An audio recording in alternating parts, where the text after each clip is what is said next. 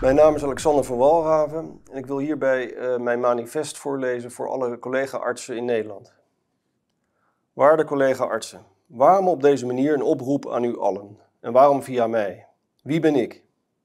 Naast arts ben ik vooral ook mens en mensen maken fouten in het leven en op het werk. Zo ook ik. Als een arts een fout maakt, dan kan dat een mensenleven kosten. Iets wat alle artsen vrezen en ten alle tijden willen voorkomen en daar dagelijks hun best voor doen om dat niet te laten gebeuren. Door corona zijn we verdeeld geraakt als mensen in de maatschappij en ook in de groep artsen.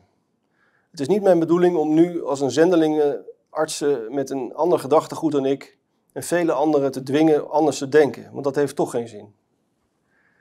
Ik vraag alle artsen om te gaan staan voor je artseneed. We zijn namelijk allen opgeleid in een streng en hiërarchisch systeem waarin we leren als jonge arts dat je je plek moet kennen.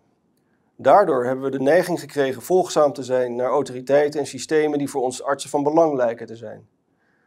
Je hebt geleerd om niet te veel buiten de boot te vallen, niet te eigenzinnig te zijn en meer de algemene opvattingen te volgen zoals deze vaak van bovenaf worden aangereikt. Je bent in vertrouwen en ter goede trouw dat het systeem en de mensen om je heen die jouw medische behandelingen aanreiken ook het beste voor, voor hebben met jouw patiënten. Dat bedoel ik te zeggen. Het medische systeem behandelt niet de patiënten, maar dat doet dat via jou. Jij bepaalt wat goed of slecht is uiteindelijk voor jouw patiënten. Daar hoort een kritische en een onderzoekende houding bij naar de behandelingen die worden aangeboden door derden naar de arts toe. Ik roep dan ook alle artsen op om goed naar hun innerlijke kompas te luisteren en ernaar te handelen zodat de eet en dus ook de patiënt dat ten goede zal komen.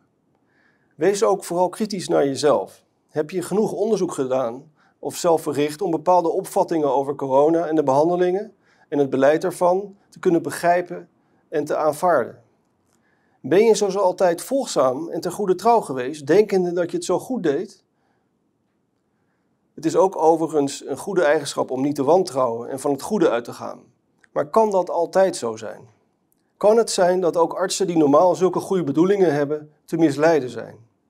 Ik vraag artsen nu dus om heel kritisch te kijken naar zichzelf en naar het coronabeleid en alles wat daarmee gebeurd is. En vergewis je van alle onderzoeken en wetenschappelijke kennis die er voorhanden is.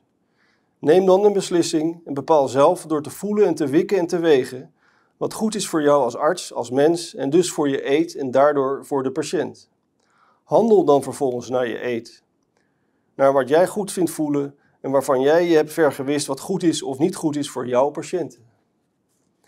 Wij als NTG hebben veel kennis in huis die mogelijk minder gangbaar is volgens de mediakanalen en de politiek. Maar wie zijn die mensen die zo spreken over onze behandelmethode? Blijf kritisch denken en vraag ons anders om, om de bronnen van onze onderzoeken en wetenschappelijke artikelen waar wij ons beleid op hebben gebaseerd. Vergewis je van jouw waarheid, die je zelf onderzocht hebt, door open te staan voor mogelijk heel andere denkbeelden dan je tot nu toe gewend bent. Je bent het je eet en dus ook de patiënt eigenlijk verplicht om kritisch te zijn en open te staan voor andere denkbeelden of minder gangbare behandelmethoden in dit geval. Ik nodig alle artsen uit om via het NTG onze resultaten na te gaan, onze bronnen en wetenschappelijke artikelen te lezen en open te staan voor een mogelijk andere waarheid dan zoals die nu wordt voorgespiegeld door zogenaamde experts. Wat als alles anders is op medisch vlak dan wordt voorgeschoten door media en ministers? Wat als de complottheorieën, zoals ze genoemd worden, waarheid worden? Hetgeen tot nu toe nog steeds lijkt te gebeuren. Wat dan?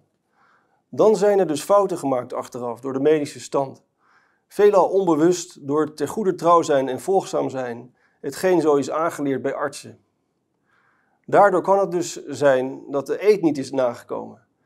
Dan is de eet geschonden geweest. Hetgeen iedere arts zo angstvallig altijd wil voorkomen. Ik zou zeggen, bij twijfel over bepaald beleid of behandelingen ben je verplicht als arts naar je patiënten toe om goed onderzoek te doen naar deze behandelingen of medische situatie. Ik nodig dus nogmaals alle artsen uit om met ons contact op te nemen om uzelf te vergewissen wat nu waar is of niet waar is over corona, vroegbehandeling en vaccinaties. Je hoeft het niet met ons eens te zijn, maar sta op zijn minst open voor onze argumenten, kennis, wetenschappelijke artikelen die je mogelijk kunnen verrassen of in ieder geval aan het denken kunnen zetten. Meer vraag ik niet. Ik hoop hiermee dat wij als artsen een eenheid kunnen gaan vormen en onze eet weer centraal kunnen stellen en niet de angst of andere niet relevante zaken die er niet toe doen in de patiëntenzorg. Ik dank u voor uw aandacht.